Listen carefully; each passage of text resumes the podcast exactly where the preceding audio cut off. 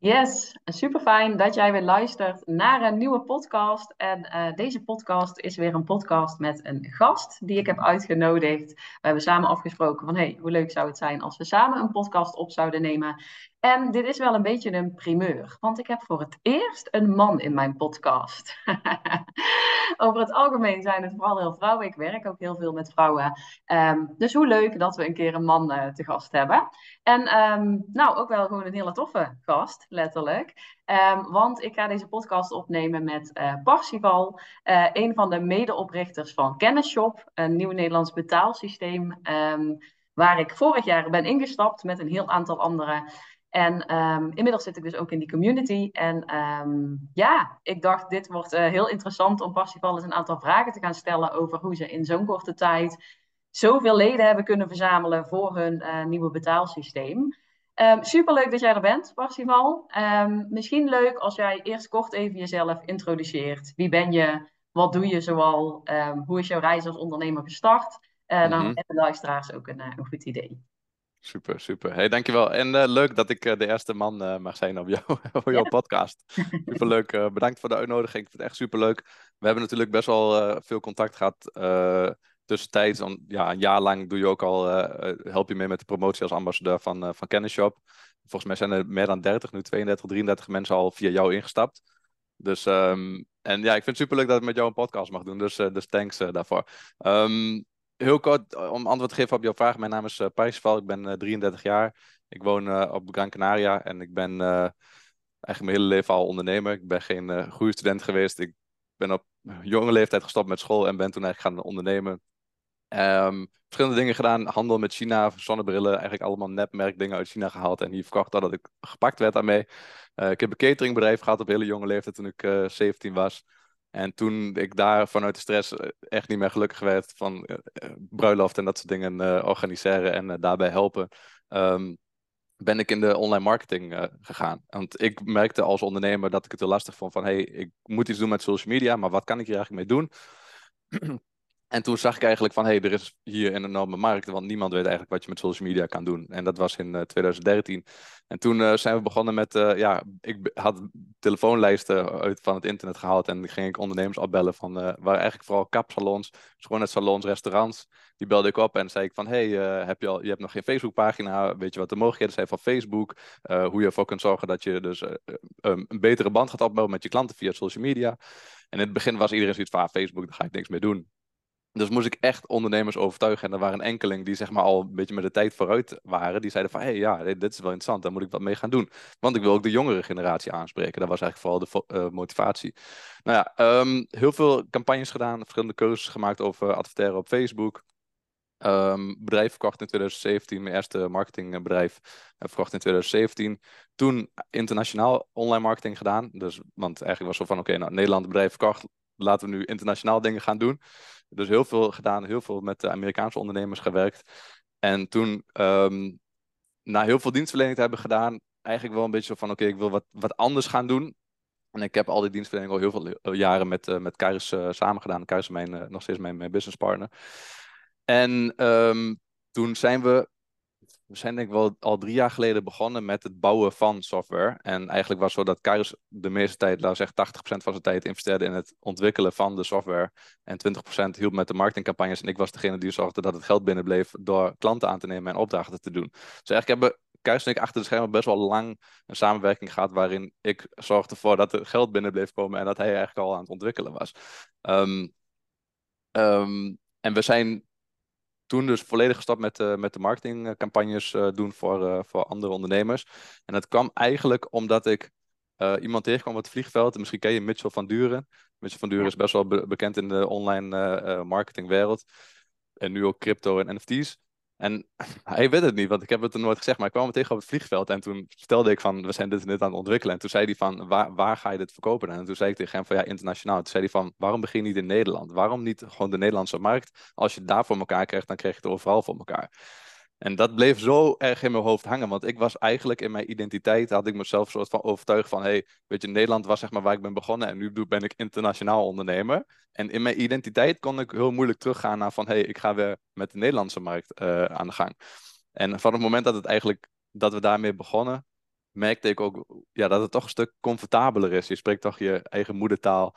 Um, mijn Engels is goed, maar het is toch anders als je je moedertaal spreekt. Plus, je merkt dat als je. Het is net als een specifieke doelgroep kiezen. Als je de, iedereen in de hele wereld je uh, bedient, dan is het al best wel moeilijk. En nu zie je de voordelen ook van, hey, ik focus me nu alleen op Nederland. Dan zie je ook van, je snapt gelijk wat de markt doet. Je ziet zeg maar, wat daar de, de spelers zijn die daar, uh, die daar actief zijn. En dan kun je veel sneller die markt op een juiste manier uh, bewerken. Dus dit was mijn lange versie om kort te introduceren wat mijn achtergrond is. Geen punt, geen punt. Het is allemaal interessant wat je vertelt, hè? Dus helemaal goed. En zie je dus inderdaad ook gewoon even een vraag naar aanleiding van het laatste wat je zei. Zie je dus inderdaad ook heel veel verschil tussen de Nederlandse markt en bijvoorbeeld de, internet, de, de Amerikaanse markt bijvoorbeeld? Zijn daar hele grote verschillen qua hoe je inzet? Nou ja, wat ik vooral heel grappig vind is dat eigenlijk de Nederlandse ondernemer um, niet heel, laat ik zeggen, ik denk dat 95% van de Nederlandse ondernemer niet andere software kent als de software die in Nederland is.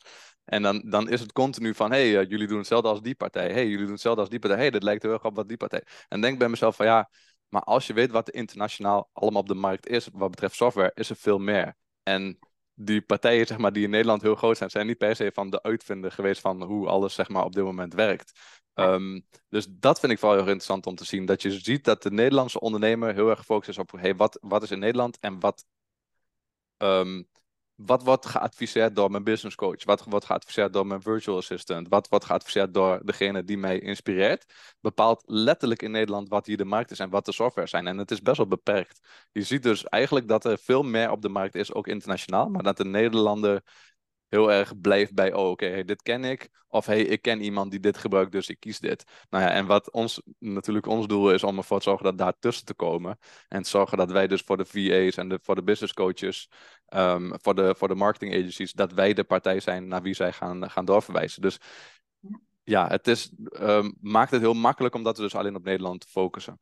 Op dit moment. voorstellen, inderdaad. En dat is inderdaad ook wel echt een markt waar je nu merkt dat je die dus heel erg aanspreekt. En dat je daar inderdaad ja, in ieder geval goed bent tussengekomen, want daar zitten volgens mij ook een groot deel van jullie klanten. Even gewoon ook voor de achtergrond van de luisteraar, hè, want niet iedereen die luistert, die is misschien heel erg bekend met, ik heb ook veel startende ondernemers, dus met online betaalsystemen en wat je daar nu allemaal precies mee kunt doen. Maar waar het om gaat, is dat je als je online producten of diensten wilt gaan verkopen, en dit gaat toch wel vooral voor de dienstverlenende ondernemers, dus online programma's, coachingstrajecten, Ehm, wat je online aanbiedt, dat je die ook daadwerkelijk gewoon meteen vanaf je website kunt verkopen. En daar zijn verschillende online tools voor. Heb ik zelf ook een heel blog over geschreven toen ik werkte tot dusver gewoon met WooCommerce en Molly. Er zijn allemaal systemen waarbij je online kunt verkopen. Maar je kunt verkopen, maar daar zit ook natuurlijk weer een hele uh, marketing achter, neuromarketing, hoe je, mens, hoe je zorgt dat mensen ook daadwerkelijk de aankoop doen, dat ze niet naar de betaalpagina gaan en weer weggaan. En dat stukje is ook het stukje wat jullie dus ook meepakken. Dus Kennisshop wordt gewoon, wordt, is al, want we draaien inmiddels, is een nieuw Nederlands betaalsysteem, wat er dus voor zorgt dat je online betalingen kunt doen, dat je ook allemaal extra opties hebt, zoals termijnbetalingen, uh, abonnementen, kassakoopjes, uh, maar ook dat je betaalpagina conversieproof is. Dus dat je er ook voor gaat zorgen dat mensen daadwerkelijk gaan betalen op die pagina. En daar zit een heel groot deel psychologie achter, wat heel veel mensen ook niet weten. En um, ja, dat is ook wel waar ik het inderdaad ook een beetje over wil hebben. Um, wat ik ook heel interessant vind en waar ik jou graag over wil horen. Wat mm -hmm. het meest interessante is wat mij betreft, is dat jullie in superkorte tijd meer dan duizend klanten hebben weten te vinden voor dit systeem, terwijl het eigenlijk in het begin nog niet stond. En dit heeft mij echt geïnspireerd dat ik dacht, wauw, mensen stappen dus gewoon in, in iets wat er nog niet is. Uh, Ik heb het dus echt een maand geleden zelf geprobeerd, uit inspiratie van jullie. En het is me ook gelukt om iets te verkopen wat er nog niet was. En dat is puur omdat ik gezien heb wat jullie deden. Dus daar wil ik heel graag dat jij daar iets over gaat vertellen. Van hey, hoe kan het nu dat je iets gaat verkopen, dat je ambassadeurs al gaat verzamelen voor iets nieuws? Wat er nog niet is, waar mensen, want in Nederland zijn we heel erg van, we moeten eerst zien, dan geloven. Hè? En eerst maar eens kijken wat het allemaal is. Mensen zijn best wel voorzichtig. Mm -hmm. Het jullie gelukt is om dus toch gewoon duizend leden hiervoor te krijgen. Terwijl het systeem eigenlijk, vooral in het begin, stond er eigenlijk nog echt heel weinig. Dus Klopt. Dus daar heb ik even een paar concrete vragen over, inderdaad. Okay. Ik ben dus heel benieuwd, waarom kozen jullie meteen in het begin, toen jullie Kennisshop starten, meteen voor het inzetten van ambassadeurs om je product te gaan promoten? Mhm. Oké, ik wil deze vraag beantwoorden, maar om iedereen's nieuwsgierigheid even vast te houden, wil ik heel veel terug naar het vorige en dat ik dan daarna Ja, deze vraag eh, beantwoord, oké? Ja. Want wat je net zei, waar, eh, heel kort had je het over neuromarketing, dus je hebt een betaalsysteem waarmee je online kunt verkopen.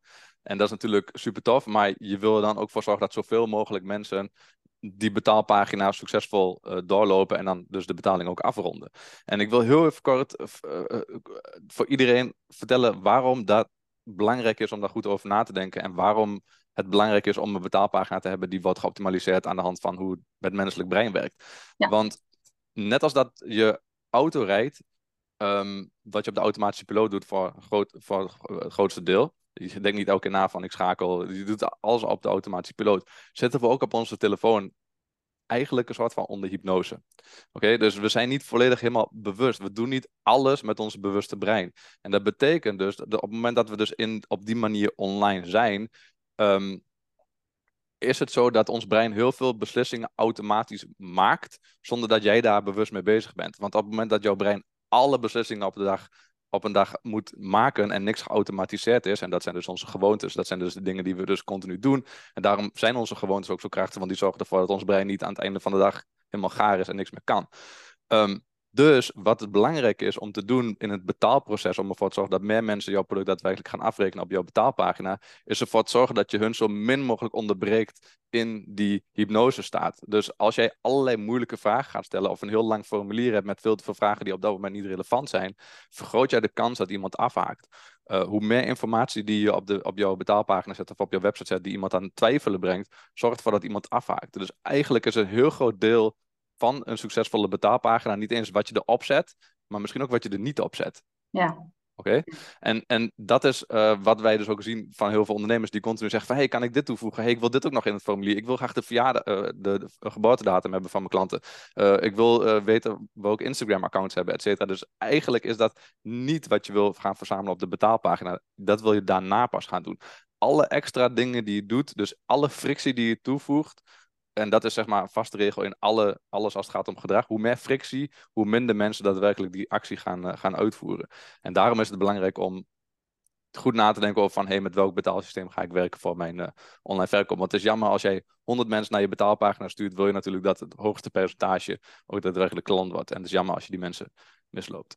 Ja, Oké, okay, sorry. Ik wil eerst even die vraag, want dat, nee. dat wou je het over hebben. Dus dan kunnen we nu verder naar de... heel goed gedaan, want dit is wel even waar het om gaat. En wat ik ook altijd probeer uit te leggen, inderdaad. Dat het niet een kwestie is van, hé, hey, we zetten een website online, dan nemen we een betaalsysteem en dan gaan mensen afrekenen. Zo simpel werkt het gewoon niet. Daar gaat iets aan vooraf. En dan heb je even heel mooi uitgelegd hoe dat inderdaad in elkaar steekt. En ik denk ook dat er jullie kracht is, dat dat stukje heel erg meegenomen wordt. Ook waar we het dadelijk over gaan hebben in de community, in ja, alles wat jullie hebben neergezet, inderdaad. -hmm. um, ja, jullie werken dus met ambassadeurs. Eigenlijk vanaf het begin af aan al. Hè? Dus jullie hadden eigenlijk nog niks staan. Ja, natuurlijk had je iets staan, maar er was nog niks wat de klant op dat moment kon gebruiken. Mm -hmm. En waarom heb je er op dat moment voor gekozen om meteen te gaan werken met ambassadeurs? Om meteen te gaan -hmm. kijken van, hé, hey, hoe, ja, hoe, gaan we deze men, hoe gaan deze mensen ons helpen? Mhm. Um, allereerst um, de inspiratie om het daadwerkelijk te doen om het product te gaan promoten zonder dat het daadwerkelijk klaar is, was voornamelijk van Elon Musk. Ik, ik heb het vaker gezien, maar heeft die, uh, hoe heet die Cybertruck, de Cybertruck, volgens mij drie jaar geleden heeft hij, ik weet niet hoeveel, hoeveel van, misschien wel 600.000 van die, van die auto's verkocht. Die auto is nog steeds niet gemaakt, maar die auto's, dat geld is al wel binnen, um, dat wordt allemaal geïnvesteerd, et cetera, et cetera. En dat was voor mij de laatste uh, keer dat het inspirerend was. Dat ik dacht, ja, dat je, dit, dit kan gewoon. Op het moment dat je gewoon een goed plan hebt en dat plan gewoon kan communiceren, dan, dan kun je dat inderdaad doen. Um, dus dat was, dat was uh, één. En twee, ambassadeurs marketing is iets waarvan ik simpelweg weet dat is gewoon heel erg effectief. Mits je een heel goed aanbod hebt en een, mits je een goede boodschap hebt. En ik heb dus een discussie met Kuis gehad, want alles in zeg maar, ontwikkeling wat we dus aan het doen waren, was hey, hoe kunnen we alles zo lean mogelijk doen? Dus hoe kunnen we alles zo echt het minimale doen wat nodig is om dit product te lanceren en om te testen of, het, of de markt er klaar voor is. Nou ja, en ik ben altijd degene die dus met nieuwe ideeën komt bij Kairos. En dus kun je je voorstellen dat hij heel erg is van oké, okay, we moeten zo lean mogelijk werken en ik kom elke dag met een nieuw idee. Dus dat moet heel erg gaan balanceren. En ik werk nu hoofd iets van acht jaar met uh, samen. En nu is het zeg maar heel goed dat hij zeg maar kan aanvoelen van, hey, misschien, is het, misschien moet ik even luisteren naar dit idee. Of misschien is dit nu niet het goede moment om dit idee toe te voegen. Maar wat, wat, wat dat idee dus op dat moment was, en ik zei tegen Karis van, hey, ik ben met je eens dat we alles zo lean mogelijk moeten bouwen en dan moeten vermarkten en dan kijken of het werkt. Maar op het moment dat iemand uh, een licentie koopt voor, uh, voor Shop, is dit wel het moment om uh, tegen iemand te vertellen dat hij ambassadeur is en dat hij mogelijkheid heeft om zijn investering weer terug te verdienen. Want dat kan ik ook een week later doen, of twee weken later doen, of een maand later doen, of drie maanden later doen. Dan is het nooit hetzelfde effect. Dus in dit geval um, lukte het mij dus om Karis ervan te overtuigen dat we dit eerst moesten bouwen. En heel simpel, puur en alleen dat iedereen een eigen unieke link heeft. En dat we kunnen bijhouden wie die aankoop heeft gedaan. En de rest van het hele verhaal, nou je hebt het meegekregen, hoe we dat gingen uitbetalen en alles, hadden we niet bedacht. Dat hadden we ook nog niet uitgewerkt en et cetera. Dus we wisten van, als wij weten wie, heeft, wie um, via wie een aankoop komt, dan zoeken we de rest later wel uit. Dus zo zijn we begonnen met um, de eerste promotie. En wat ik heb gedaan, ik heb een aantal mensen gebeld uit mijn netwerk, omdat ik natuurlijk wel veel heb gedaan in Nederland tot met uh, bijna 1 2017. Um, en gekeken naar van, hey, wat zijn nou de meest invloedrijke uh, ondernemers die ik ken? En die heb ik benaderd. Nou ja, een aantal daarvan toonden geen interesse of waren niet uh, genoeg geïnteresseerd omdat ik hun aandacht kreeg. Maar een aantal daarvan, die waren wel heel erg enthousiast. En dat zorgde er eigenlijk voor dat we toen de eerste uh, live interview deden. Uh, en dat de markt in Nederland ook heel erg toe was aan een nieuwe partij. Wat wij natuurlijk niet precies wisten of dat inderdaad zo zou zijn. Maar ja. wat wij vooral hoorden van, yes, weet je wel, yes, eindelijk. Er is eindelijk meer, um, uh, er zijn meer opties, want er moeten meer opties komen in de Nederlandse markt. Um, en dus de motivatie om dus direct te starten met ambassadeursmarketing was voornamelijk omdat ik de FOMO voelde van, hey, wat als we dit gaan promoten, maar we doen dit niet. En toen we dus de eerste uh, promotie deden, was met, uh, met Jeanette Badhoorn. Die was toen gelijk ingestapt. Ik belde haar op en ze zei gelijk van, ja, ik doe mee. Maakt niet uit, ik doe mee. Kun je dit, dit en dit? Ja, dit gaan we ook bouwen. Oké, ik doe mee. Nou, toen hebben we een interview gedaan en toen hadden we dus in één dag hadden we 30 verkopen. Nou, en uit die 30 verkopen zag je dus gelijk dat effect. Dus dat mensen gelijk enthousiast waren. Uh, wij waren natuurlijk heel erg benaderbaar. Dus of het nou tijdens een interview was of tijdens een live sessie, altijd benaderbaar. Ik was ochtends, van ochtends vroeg tot met s avonds laat en nu nog steeds wel vaak. Uh, op de customer support, dus alles wat binnenkomt aan vragen. Want op het moment dat jij, Brigitte, iemand aanraadt uh, van hey, misschien is dit interessant om, voor jou om te kopen. Die persoon koopt, die loopt tegen een uitdaging aan en die krijgt binnen twee minuten een reactie van mij. Dan hoor jij weer terug van hey, ja, ik liep ergens tegenaan, maar ze hebben het echt direct opgelost. En dat zorgt ervoor dat jij nog steeds denkt van hey, ik, ga ik blijf dit promoten, want ook al gaat er wat mis, want ze zijn nog aan het opbouwen, ze lossen het wel gelijk op. Dus het was heel erg een combinatie van dat alles moest kloppen. Want je kunt zeg maar, de verkopen doen, de marketing doen en geen ambassadeursmarketing. Maar stel je doet de, je hebt wel sales, maar geen ambassadeursmarketing. Maar je customer support is niet goed. Dan remt dat jou direct af. Want als jij van een klant terug hoort van hé, hey, ik liep hier tegenaan en ik wacht nu al drie dagen op een antwoord. Dan stop jij met de promotie uh, van, ja. van alles wat je doet. Ja. Dus dat zorgt ook direct voor heel erg veel druk. Want je kunt je voorstellen dat alles moest dan zeg maar perfect gaan elke keer. En alles moest zeg maar continu... Ja, je hebt, je hebt meegegeven hoe druk het, uh, het werd. Vooral met de promotieperiodes. Dat we in vier dagen... Um, ja, iedereen tegelijk. Iedereen tegelijk. En ik was letterlijk vanaf ochtends vroeg tot avonds laat. Soms had ik niet eens meer honger. Gewoon door, door, door, door. En, uh, en met het idee van oké, okay, ja, we zijn gewoon mega dankbaar dat het, uh, dat het zo aanslaat. Ja, ja. Lang antwoord op jouw korte vraag. Geen probleem, geen probleem.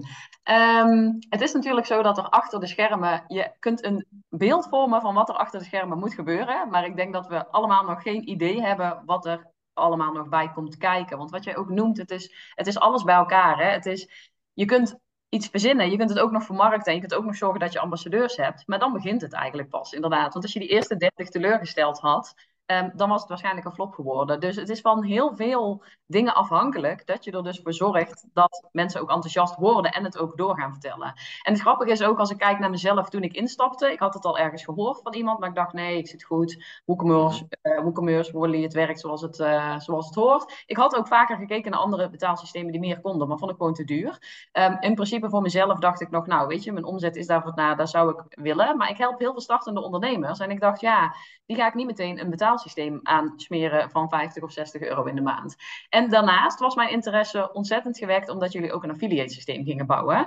En ik had zo wel eens rondgekeken, maar ook een affiliate systeem als je het zelf wilt. Dus als je zelf gewoon wilt gaan werken met ambassadeurs die jouw programma's promoten, kost je gewoon vaak al tussen de 40 50 euro in de maand kwamen we dus boven de 100 euro uit. En die combinatie maakte ook dat ik meteen dacht, ja weet je, het bedrag waar ik nu voor instap, ja, dit is niet eens een risico, weet je. Dit, en ik denk dat daar echt de kracht zat, dat je gewoon laag gestart bent. En ook vooral echt met die lifetime licentie, hè, want dat was echt uniek. Waar koop je nu een lifetime licentie um, voor een betaalsysteem? Dus dat is denk ik al iets wat mensen heel erg triggerde van wow, ik kan dus dit afkopen nu. Mhm. Ehm, en dat je inderdaad in het begin gewoon, ja, je neemt het meeste risico in het begin, want er staat nog niet zoveel, maar je betaalt ook echt een laag bedrag. En die mensen, ik denk uiteindelijk dat die ook gewoon ja, zo enthousiast waren meteen, want dat is meteen inderdaad ook de tweede van, hey, die ik hier heb staan inderdaad. Je, ehm, je organiseert ook een community, dus je zorgt ervoor dat mensen bij een groep horen, dat ze welkom worden geheten en dat ze geholpen worden. En dat mhm. meteen eigenlijk alles achter de schermen al goed geregeld is. Dus dat mensen video's krijgen van, hé, hey, zo werkt het, dit is wat je moet doen.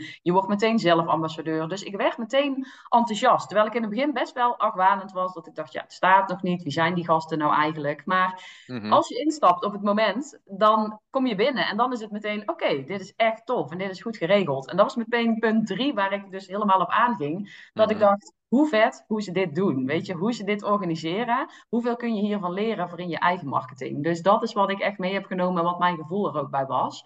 Um, dat het gewoon van alle kanten echt goed geregeld was en goed in elkaar stak. En dat je gewoon ziet dat dit jullie expertise is. Dus um, dat is inderdaad waarvan ik denk dat het, dat het heel erg geholpen heeft. Mm hey, um, wat zie jij nu als grootste meerwaarde? Want jullie hebben ook echt een community toegevoegd. Het feit dat je ambassadeurs hebt, wil niet per se zeggen dat je ook een community hebt. Jullie hebben gekozen voor een groep waar mensen in terechtkomen. Mm wat vind jij de grootste meerwaarde van het, ja, van het neerzetten van zo'n community? Dat je ook ja, mensen verzamelt in een groep eigenlijk.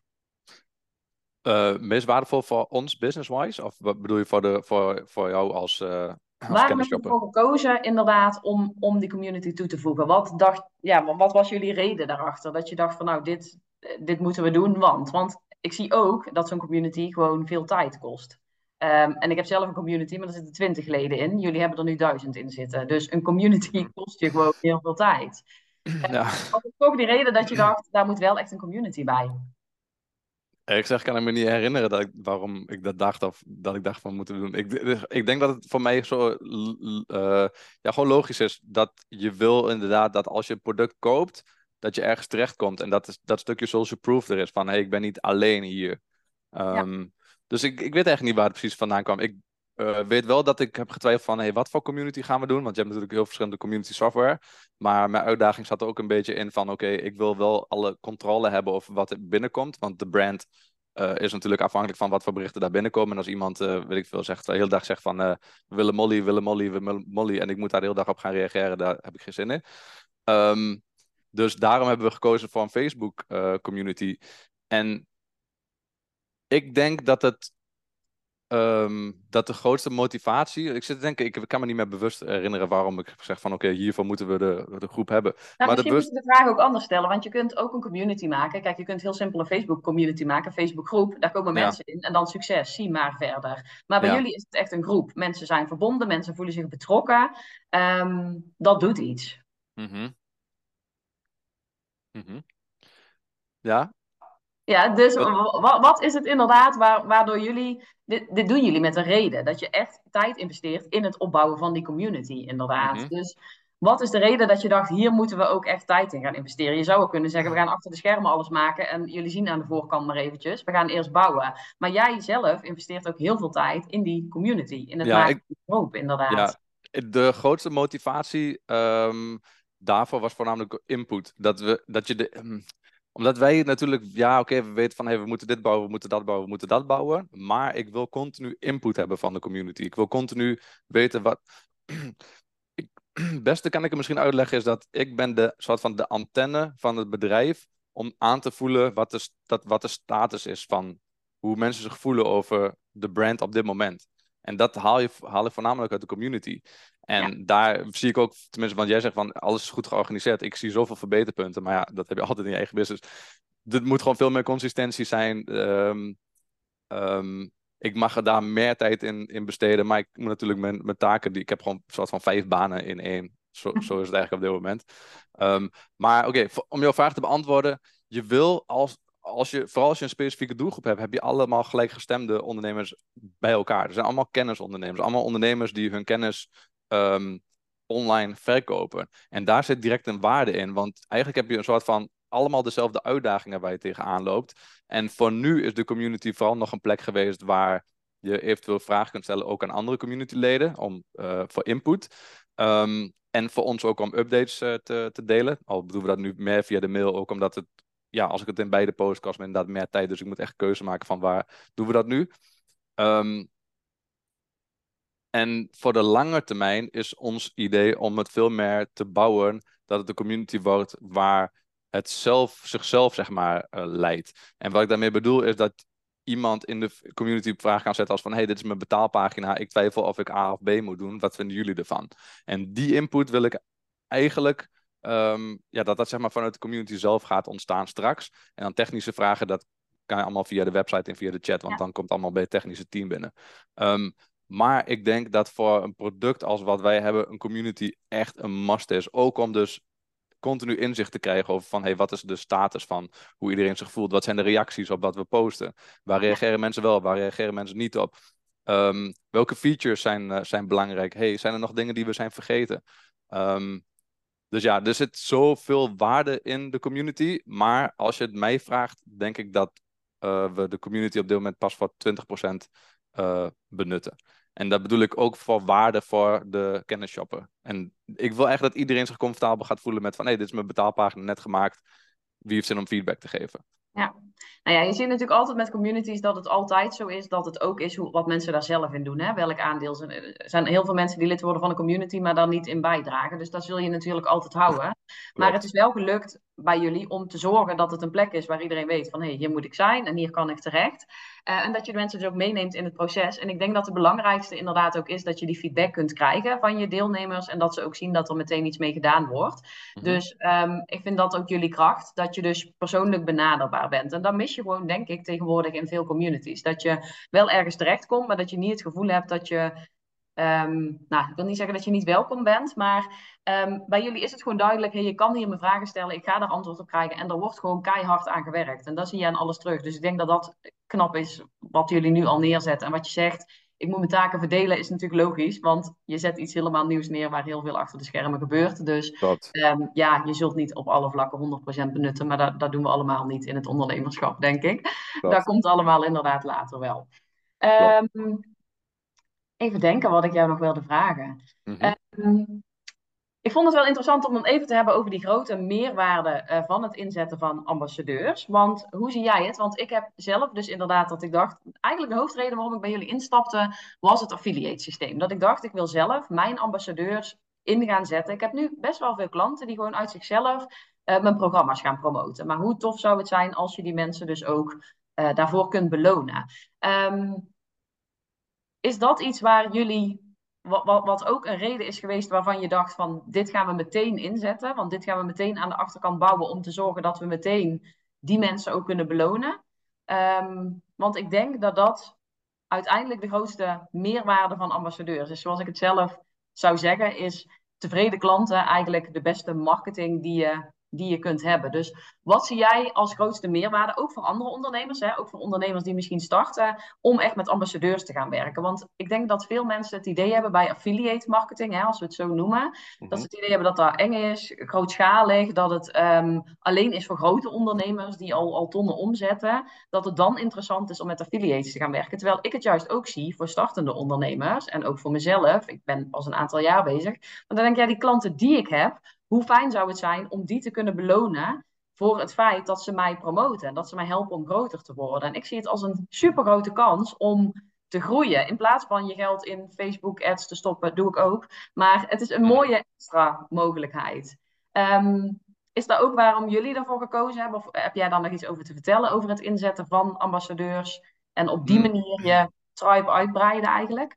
Ja, ik denk um, het, het voordeel aan wat wij dan doen, specifiek focus op ambassadeurs. Niet, dus niet, dat, niet, uh, iedereen, want we hebben vaak, vaak de vraag gekregen van mensen die niet een kennis op licentie hebben of ze kennis op kunnen promoten, zeggen we nee. Um, ja. Dus het is e-, echt op dit moment alleen voor klanten. En er zijn verschillende redenen. Natuurlijk omdat de kans is groot dat jij als ondernemer iemand in je netwerk hebt die heel erg lijkt op jou. Want jij bent waarschijnlijk ook voor een deel jou, omdat jij met die persoon omgaat in je leven.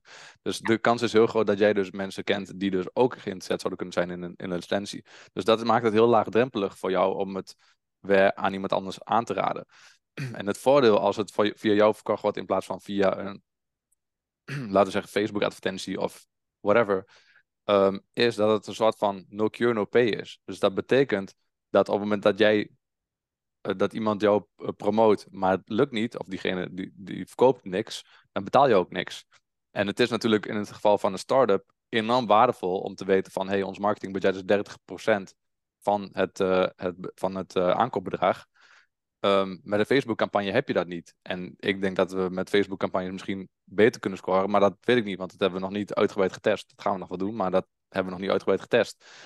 Dus het feit dat jij zeker weet dat je alleen betaalt op het moment dat je een klant hebt, zoek maar een marketingbureau die no cure no pay voor jou gaat werken. Ik heb het wel gedaan voor, voor bedrijven, met de juiste voorwaarden, want het heeft ook allemaal zijn haken en, en ogen. Um, maar dat is natuurlijk een enorm groot voordeel. Dat je vraagt aan mensen van, hey, als je iemand kent, promoot mij. En, en, uh, en je krijgt betaald op het moment dat iemand, uh, iemand ja. verkoopt. Dus ik denk dat dat een heel groot voordeel is. Daarnaast denk ik dat mensen ook wel denken van, ja, maar uh, het heeft denk ik te maken met een stukje geld. Dus het feit dat ik jou geld geef omdat jij wat voor mij doet, ja. dat is denk ik een beetje waar mensen misschien een soort van iets aan een mentale blokkade hebben van, hé, hey, maar ik wil het sowieso voor je doen en ik hoef er geen geld voor, et cetera, et cetera. Snap ik wel, maar onbewust zijn we toch allemaal gemotiveerd en vinden we het toch wel lekker om. De, hoe fijn is het als je die commissies krijgt elke keer, Brigitte? Ja. Dus elke keer, zeg maar, stuk, een beetje dopamine van, hé, hey, weet je, dat is wel leuk dat je die, uh, dat je die bonus dan, uh, dan krijgt. Ja. Um, dus het is daadwerkelijk echt wel extra uh, motivatie. Want ik heb ook, zeg maar, vrienden die ik zei van, hey, uh, stuur het door en vergeet niet om je link te gebruiken. Dus van, ja, maar ik hoef die commissie niet. En ik zeg, maar ik wil wel dat je dat, ik wil het wel geven. Dus ja, ja ik, wil, ik wil het zelf ook niet hebben. Ik wil, ik wil iedereen daar graag voor belonen. En ja. ik denk dat, zeg maar, dat stukje, dat financiële stukje van, hé, hey, maar ik wil niet dat het over geld gaat. Het is gewoon een relatie, et cetera, et cetera. Is gewoon onzin. Dit is gewoon zakelijk. Ik ja. ben dankbaar voor als jij mij helpt om dit te promoten, dus wil ik jou daar een bedrag voor geven.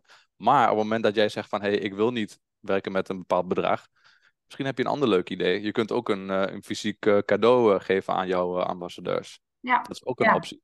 Inderdaad, dus kunt... iets tegenover staat, inderdaad. Dus dat je daar iets voor terugkrijgt. En ik denk toch, ja, ondanks als we misschien vaak zeggen van ah, het gaat niet om het geld en ik doe het zo ook wel. Ik denk wel dat het een extra motivatie is, altijd, als je mensen ergens voor beloont. Want je gaat wel eventjes toch die extra moeite doen. En ik vind ook inderdaad um, het feit dat je nieuwe klanten aanbrengt. Wij doen dat onderling ook met ondernemers. Dan mag je elkaar daar echt wel gewoon in helpen. Maar hoef je niet altijd gewoon altijd maar voor niks te doen. Je mag jouw netwerk daar ook uh, voor gebruiken. Ik vond het vooral een interessant inzicht dat ik dacht dat veel startende ondernemers denken van ja, maar dat, dat kan ik nog niet inzetten, dat stukje.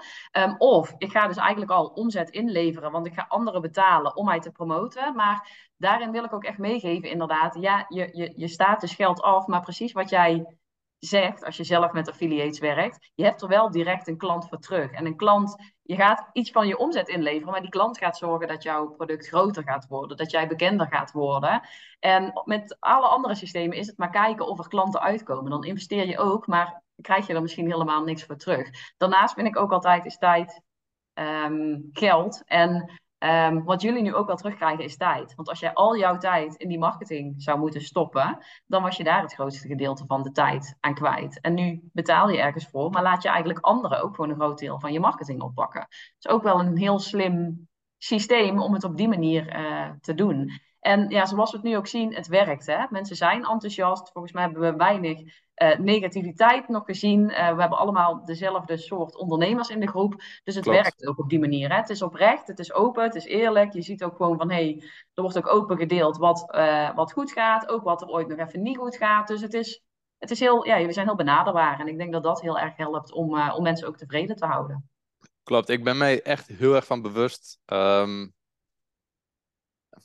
mijn, uh, ik zou zeggen, mijn, uh, mijn guru-coach uit, uh, uit Silicon Valley, hij zei altijd dat op het moment dat iemand jou een doorverwijzing geeft, of als, stel ik, dat ik jou nog niet ken en ik vraag, hey Brigitte, kun je mij in contact brengen met jouw meest waardevolle um, contact uit jouw contactenlijst, dan is het niet simpelweg dat jij de tijd neemt om dat contact aan mij door te geven, maar jij riskeert jouw reputatie. Ja. jij riskeert letterlijk jouw reputatie. Dus, en hij heeft mij altijd heel erg daarop gewezen van op het moment dat iemand iemand doorverwijst naar jou toe, dan is dit, een, dan is dit automatisch een VIP-klant. Deze kun je niet zomaar aan de kant zetten. Deze moet je op een speciale manier behandelen, want die is via iemand anders gekomen. Die persoon heeft tijd, geld, whatever, geïnvesteerd in het verleden om dat contact te hebben en dat aan jou te geven. Dus uh, dat is niet zomaar iets. Um, dus je mag het niet voor lief nemen. En ik denk dat dat ook de reden is dat ik zo als een gek in de community uh, bezig ben en als een gek zeg maar alle, alle vragen probeer te beantwoorden zo snel. Want ik ben mij bewust van het feit dat ik niet voor lief mag nemen dat jij iemand naar mij doorverwijst. Dus ik denk dat dat ook een belangrijk onderdeel is van de ambassadeursmarketing. Dat je um, ja, als iemand doorverwezen wordt, is het VIP. Is het een VIP, want ik heb een soort van verantwoordelijkheid naar jou toe. Brigitte stuurt mij iemand door, dus ik moet deze persoon goed behandelen. Ja. Want als ik, als ik niet, die persoon niet goed behandel en jij hoort dat, dan is het klaar. Dan, is, dan stuur je nooit meer iemand door. Ja, top. En dit is ook wel een heel mooi inzicht en een goede tip om ook gewoon meteen mee te nemen. Inderdaad, het stopt niet bij ja, je kunt heel goed zijn in promoten, in verkopen, maar daar stopt het niet. Daar begint het eigenlijk pas. Hè? Dat is inderdaad wat ze vaak ook zeggen. Hè? Ehm, het begint pas als de klant klant wordt. Dan, um, daar stopt het niet. Er zijn veel ondernemers die daar stoppen. Hè? Die denken, oké, nou, die is binnen, klaar, volgende. Klopt, um, klopt. En dat is echt jammer, want het, dit, ik denk dat dat... Ik zou daar echt heel, veel, heel graag aan willen werken, vooral in Nederland ook. Om die mindset te veranderen, dat de ondernemers te veel focus hebben op nieuwe klant ik noemde ze altijd short-term sharks. Dus zeg maar, ze zitten al op die short-term. Altijd nu. Ik heb nu een klant, oké, die klant heb ik en dan volgende klant. maar dat is pas het begin. Het, het begint echt pas wanneer je die klant hebt en dan moet jij in je bedrijf kijken hoe jij meer met die klant kunt doen. Wat kun, hoe kun je nog meer waarde bieden voor die klant? Want het is eigenlijk doodzonde als je een klant eenmalig hebt en, en dan, uh, dan uh, kwijt bent. Ja, plus als je nu ook kijkt wat jullie gedaan hebben. Kijk, in het begin vond ik het ook wel spannend. Hè? Want ik dacht, ik ga nu eens promoten, waarvan ik nog niet weet van, hey, gaat het helemaal goed komen? Um, maar daar kun je ook altijd gewoon weer heel eerlijk in zijn. Hè? Dus als je normaal ook gewoon heel duidelijk en open bent in je communicatie. Ik ben er ook heel open in geweest van, hey, uh, je neemt zelf een risico, maar dit is, ik geloof hierin, ik vertrouw hierin. En ik denk ook dat dat wel een beetje is wat we iets meer zouden willen weer hier gewoon in Nederland, in online ondernemers wereld. Mm dat het allemaal niet die grootspraak is, maar dat we gewoon van mens tot mens gewoon elkaar vooruit willen helpen. Want buiten het feit dat ik zoiets had van, nou, ik zie potentie en, en ik wil jullie helpen om hierin te groeien, was het mhm. ook dat ik het echt als een kans zag voor al mijn mensen op mijn mailinglijst. Dat ik dacht, hoe vet als je nu gewoon als startend ondernemer een, een lifetime licentie af kunt kopen voor dit geld. Hoe, ja, ik denk echt dat mensen me daar uiteindelijk heel dankbaar voor zullen zijn. Ze moeten wel eerst even gaan zien van, hey, um, ja, gaat dit allemaal lukken? En daar moet je even het vertrouwen in hebben. Dus het is een kleine investering. Maar daarna gaat het je gewoon zoveel geld besparen en zoveel mooie verkopen opleveren. Kijk, als je daar oprecht in gelooft en dat oprecht ziet en dat over kunt brengen op die mensen, dan mhm.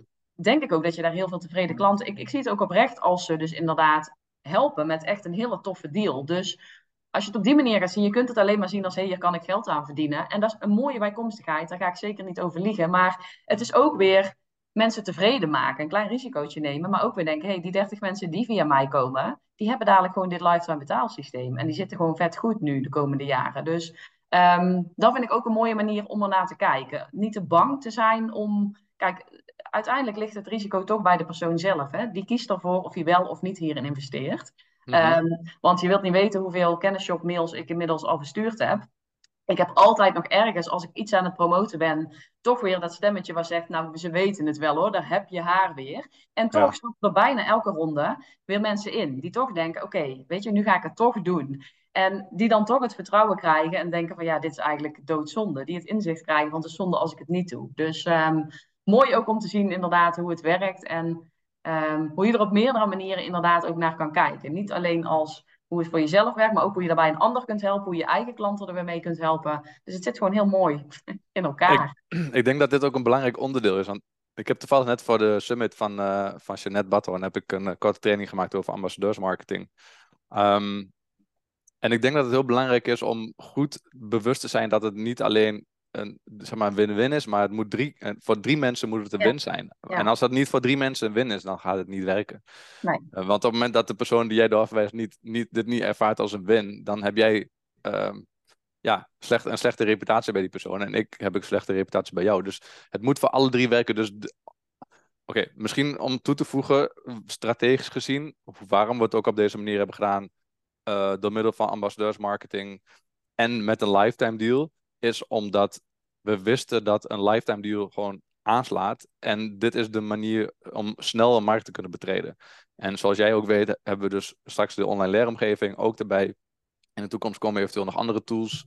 Um, en eh, is het eigenlijk voor ons zo dat op het moment dat wij nu met de omzet die we hebben gegenereerd uit de lancering die we tot nu toe hebben gedaan, de eerste duizend ondernemers, uh, product kunnen afbouwen, de eerste versie van het product kunnen afbouwen. En als zouden we nul overhouden aan het einde van het verhaal, hebben we alsnog hebben we een business staan. En dan kun je vanuit daar weer door. En dat is ook waar ik net heel kort over had, is dat op het moment dat een klant een klant is, is dat, mag dat nog niet de laatste stap zijn. Nee, absoluut dus misschien is het zelfs wel zo interessant om als je met ambassadeursmarketing gaat werken, om met deze mindset ernaar te kijken. Dus niet van hey, hoe kan ik zoveel mogelijk geld in zo korte mogelijke tijd verdienen, maar hoe kan ik mijn hoe kan ik uh, eh, 100 klanten krijgen die ik dan vervolgens een vervolgproduct kan aanbieden.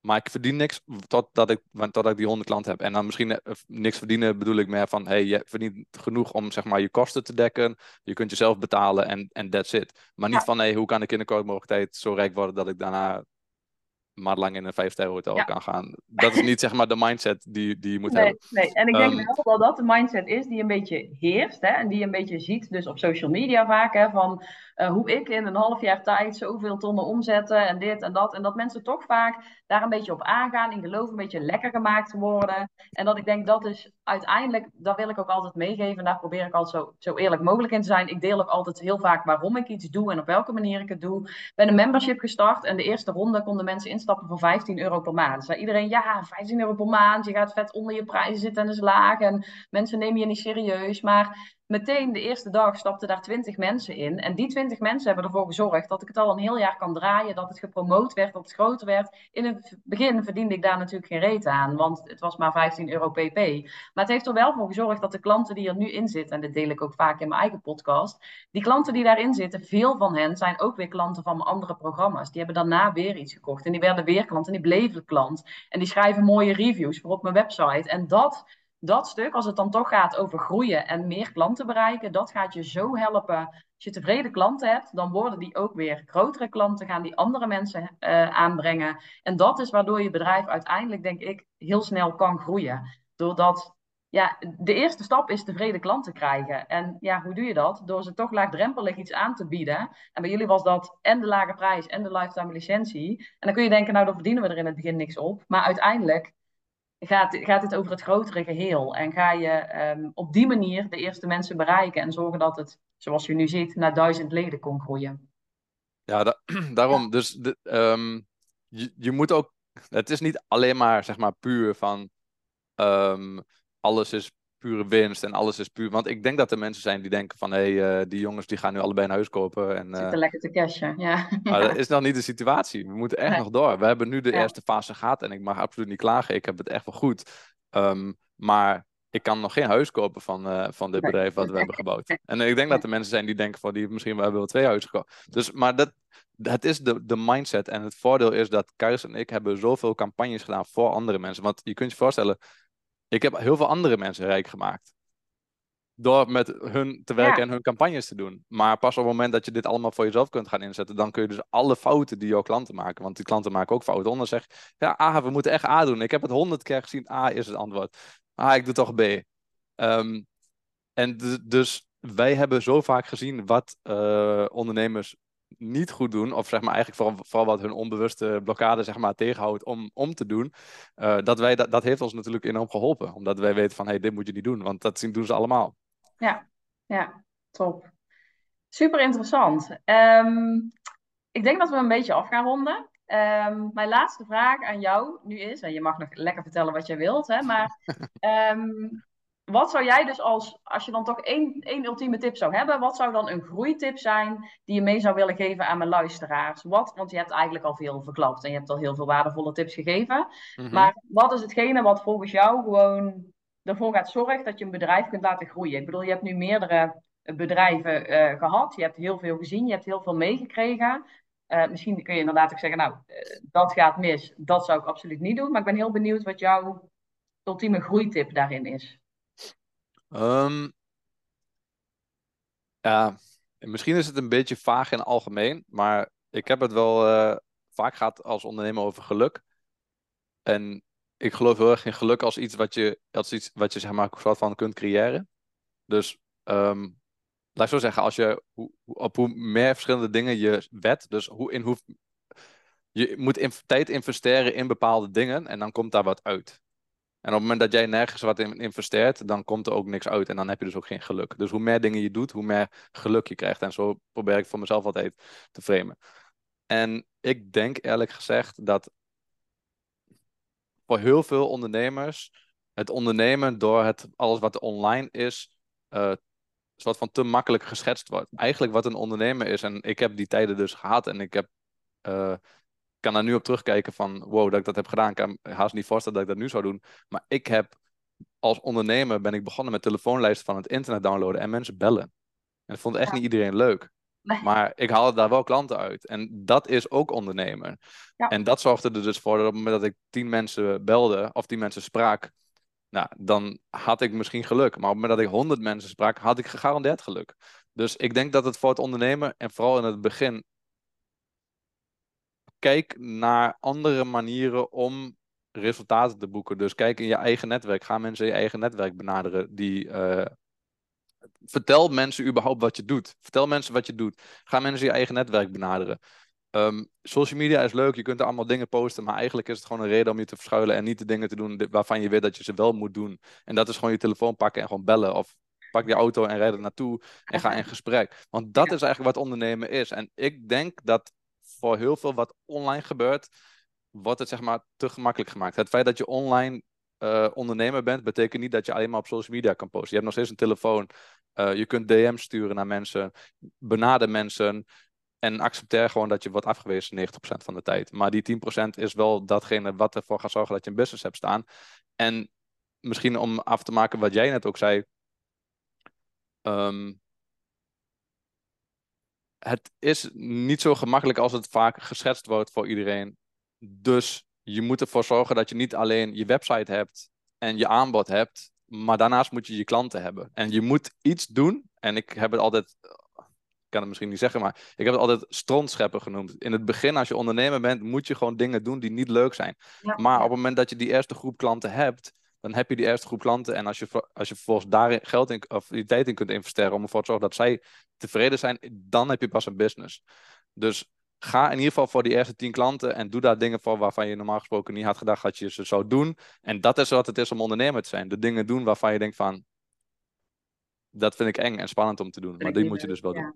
Dus, Super mooi, laatste. Want dat is ook echt precies. Nou, daar heb ik denk ik twintig podcasts over online gestaan. Wat het is. Er wordt zo'n beeld geschetst alsof het allemaal alleen maar leuk, makkelijk en simpel is. En als je niet binnen drie maanden 10k draait, dan ben je echt een sukkel. En je, je moet dit doen en dan, dan ben je er inderdaad. Ehm, en ik ben daar ook altijd heel erg tegen in aan het gaan. Want ja, het is heel vet. Ja, het is heel gaaf. Ja, het is tof wat je allemaal kunt bereiken. En de vrijheid die het je oplevert. Want daar ben ik ook altijd eerlijk in. Dat is waarvoor ik ging ondernemen. En dat vind ik ook fantastisch. Weet je, ik kan elke ochtend mijn kids naar school brengen. Ik kan de middag vrij pakken. Ik kan de hele zomervakantie op vakantie als ik dat wil. Aan de andere mhm. kant is het gewoon vet hard werken. En zeker in het begin is het heel veel zaaien. Niks terugkrijgen. Geen reacties krijgen. Heel veel nee's krijgen. En dat hoort er ook bij. En dat is wel hoe het voor 90% van de ondernemers gaat. Dus het is niet zo dat jij bij die 10% zit bij wie het niet lukt. Jij zit bij die 90% bij wie het gewoon moeizaam start en waar het gewoon echt even hard werk is. Maar als je doorzet, dan kom je er wel. En, en dat was het voor iedereen. Ook diegene die nu al is waar jij naartoe wil, daar was het ook keihard vechten. Maar dat dus is niet wat mensen delen in het begin. Nee, nee vaak niet, inderdaad. En uh, dat is ook wel een mooie boodschap, inderdaad, die we dan echt delen. Want uh, dat is waar ik ook altijd behoorlijk tegen aanschop. Van uh, ja, het is heel mooi, ja, het is heel vet, maar het is niet alleen maar leuk. Absoluut niet. En je moet er echt wel wat voor doen. Zo'n, ja, business die voor jou werkt en die voor jou goed voelt, nou, daar heb je best wel even nodig om daar naartoe te werken. In de meeste gevallen. Dus uh, ja, mooi. Maar je ziet wat er van kan komen. Dus, uh... Precies, leuke dingen. En misschien laatste, laatste wat ik wil toevoegen.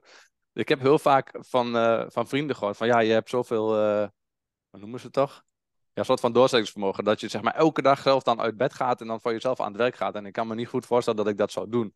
En ik ben er nu wat meer achter hoe het eigenlijk komt dat ik zo gemotiveerd ben. Want mijn hoe, hoe mijn, laat ik zeggen, vooral werkleven, maar mijn leven is heel veel werk. Dus ik zit, zeg maar overal in, in vermengd. Mijn business, businesspartner, goede vriend, en dus allemaal is het een beetje in geheel. Um, um, wat er gaat gebeuren op het moment dat je aan het ondernemen bent, want in het begin is het zwaarder. Maar op het moment dat je gaat, uh, gaat ondernemen en dan ga je van die succesjes krijgen die ervoor gaan zorgen dat je dopamine uh, krijgt. En die meldingen die je krijgt op je telefoon van hey, je hebt zoveel omzet en hey, er is weer een nieuwe klant. Zeg maar. Die dingen zijn eigenlijk alle, zijn zeg maar de dopamine triggers. Er zijn mensen die denken, oh shit, ik weet echt niet wat ik moet doen met, met, met mijn business op dit moment. En wat ga je doen? Scrollen op Instagram, want daar krijg je wel dopamine van. Dat is een soort van een goedkope dopamine. Die kun je daar van heel makkelijk, je opent je telefoon en je gaat scrollen. Maar op het moment dat je lang genoeg ondernemer bent en vaak genoeg zeg maar, die dopamine dingen hebt, ontvangen, dan op een gegeven moment is het voor jou een spel. Ik word elke dag wakker en ben op zoek naar dopamine, maar ik zoek het niet op social media, want ik, maar ik zoek het in mijn inbox. Heb ik sales? Heb ik vragen? Zijn er nieuwe suggesties? Al die dingen die geven mij continu dopamine. Dus ik ben eigenlijk in een computerspel aan het ondernemen. En ondernemen wordt pas echt makkelijk wanneer je dat hebt, zeg maar, hebt bereikt en jij, zeg maar, jouw brein zo is geprogrammeerd dat ik letterlijk mijn dopamine aan het zoeken ben in mijn werk. Ja. Ik ben gemotiveerd om een volgende campagne te doen, want dan krijg ik meer dopamine. En ik ben onbewust, ge uh, onbewust geprogrammeerd om dat te doen. Dus ik ben niet te stoppen, omdat mijn brein de makkelijkste weg vindt om dopamine te krijgen, is ondernemen voor mij. Ja. Dus het heeft, heeft tijd nodig om dat zeg maar uh, op te bouwen. En misschien moet je ook wel een beetje gek zijn om daar helemaal doorheen te gaan. Ja. En het is niet voor iedereen weggelegd. Ook niet. Um, ja, dus, uh, maar ik, ik vond het, vind het leuk om, om, dit toe te voegen, omdat ik mij bewust ben dat ik. Niet, het is niet wilskracht meer op dit moment wat, dat, wat mij motiveert om te, om te ondernemen. Het is gewoon. Nou, mijn dat leven. kan het inderdaad in het begin wel zijn. Ik denk dat ik echt gestart ben op wilskracht, kan ik echt wel zeggen. Nou, in het begin met gewoon heel veel overmatig enthousiasme en geen idee waar ik aan ging eh, beginnen. Uh, toen werd het wilskracht en toen dacht ik, shit, dit valt toch eigenlijk best wel tegen. Ik heb geen klanten en nu, hoe verder? Dan is het een tijdje wilskracht, maar daarna, daar zeg ik ook wel, is mijn hoofddoel mijn, was heel egoïstisch. Ik wilde gewoon vrijheid voor mezelf creëren. Eh, veel geld verdienen voor mijn gezin. Gewoon leuke dingen kunnen doen. Uh, ik was niet die ondernemer die een wereldverbeterende missie had. Dus het was gewoon, ik wil voor mezelf iets moois creëren. Uh, maar die trigger, die heeft er wel voor gezorgd, die stip op de horizon, dat ik door bleef zetten. En uiteindelijk heb ik het bedrijf gecreëerd waar ik wel blij van word. En waar ik nu dus ook gewoon, want deze week, week en afgelopen week heb ik heel veel gewerkt, omdat het even niet anders was. Maar ik vind het alleen maar leuk. Ik, ik word er alleen maar blij van. Ik heb nog meer honderden ideeën. Je wordt er enthousiast van. En natuurlijk zijn er ook echt minder leuke dingen die ertussen komen. Maar het zorgt ervoor dat, dat je ook helemaal om kunt slaan in. Ik dacht ook niet dat ik een ondernemer was. En ik dacht ook niet dat ik het kon. En ik heb vaak op willen geven en vaak gedacht van nou is dit het nu. Maar nu denk ik, wow man, zie wat gelukt is. En dat is gewoon het toffe eraan. Dat, en dat, dat zie je dus ook bij andere ondernemers. Dat, en daarom is dat ook echt wat ik als boodschap altijd mee wil geven. Van ook jij kunt het. Ook ik dacht dat ik het niet kon. Ook ik dacht dat ik niet geschikt was. Ook ik heb het moeilijk gehad. Maar als je het echt wilt en als je dit voor jezelf wilt creëren, dan, dan kan het zoiets gaafs worden. Als je er maar voor gaat en als je maar doorzet en niet opgeeft. Als je denkt van nou, het zit even tegen of het lukt niet. Um, dat hebben we allemaal. Die fases hebben we allemaal doorstaan natuurlijk. Dus, klopt, uh... klopt. Dus uit, uit, het, uit het denken en in het doen. En ik denk dat dat als enige manier is. Want dan vind je, kom je ook achter wat je eigenlijk wil doen. Ja. Door, gewoon dat, door gewoon wat ja. te doen. Hetzelfde als met uh, het niet kunnen vinden van je ideale klant of wat is nu mijn aanbod. Heel veel ondernemers blijven al hangen op de ideale klant. Wie is dan mijn ideale klant? Ja, dat weet ik niet. Nou, dan, dan stop ik daar maar, weet je wel. Maar dan ga je ontdekken door het te doen. Door met mensen te gaan werken, kom je dus ook steeds meer achter wie de ideale klant is en wie het liefste wilt helpen. En die ideale Klopt. klant verandert ook weer. Dus, uh, Klopt. Ja, als je achter je computer zit met je blanco uh, velletje voor je, daar ga je ideale klant niet vinden. Je kunt natuurlijk wel wat ideeën, maar daarna is het een kwestie van hey, met die persoon gaan praten, wie die ideale klant is. Dan kom je achter van ja, maar dit is helemaal niet mijn ideale klant. En dan pas kun je de volgende stap nemen. Ja, Top. Ik denk dat, we, dat het een mooie afsluiter is. Dat we veel besproken hebben, veel dingen benoemd hebben. Ik denk dat mensen hier veel van kunnen leren ook. Hè? Want Um, ja, we hebben gezien wat jullie gedaan hebben rondom ambassadeursmarketing, um, wat het voor je kan doen. Mijn ogen zijn echt geopend op dit gebied, want ik was hier eerder nooit echt mee bezig, ook niet voor mijn eigen klanten. Dus um, ik heb hier echt super veel van geleerd en dat is ook waarom ik het super fijn vind dat je in mijn podcast wilde komen en dat je hier meer over wilde vertellen, over hoe jullie dit gewoon gefixt hebben. Mhm. super bedankt daarvoor en fijn dat je het, uh, dat je het wilde doen. Graag gedaan. Ik vind het superleuk. En uh, als je in de toekomst nog uh, me wil uitnodigen, dan uh, doe, ik doe ik gelijk mee. superleuk, superleuk. Nou, um, ja, dames en heren, jongens en meisjes, jullie weten waar je moet zijn. Um, mocht je dus inderdaad een nieuw Nederlands betaalsysteem nodig hebben, dan is Kennisshop um, de plek waar je moet zijn. Maar goed, ik kan me niet voorstellen dat iemand die mijn podcast luistert nog niks weet over Kennisshop, want inmiddels heb ik het overal wel heel vaak verspreid. Maar ja, leuk om ook weer eventjes een beeld te krijgen van wie nou die persoon is die daarachter zit. Dus uh, super bedankt dat je er was en dan gaan we hem bij deze afsluiten. Dankjewel, Brigitte. Yes, graag gedaan.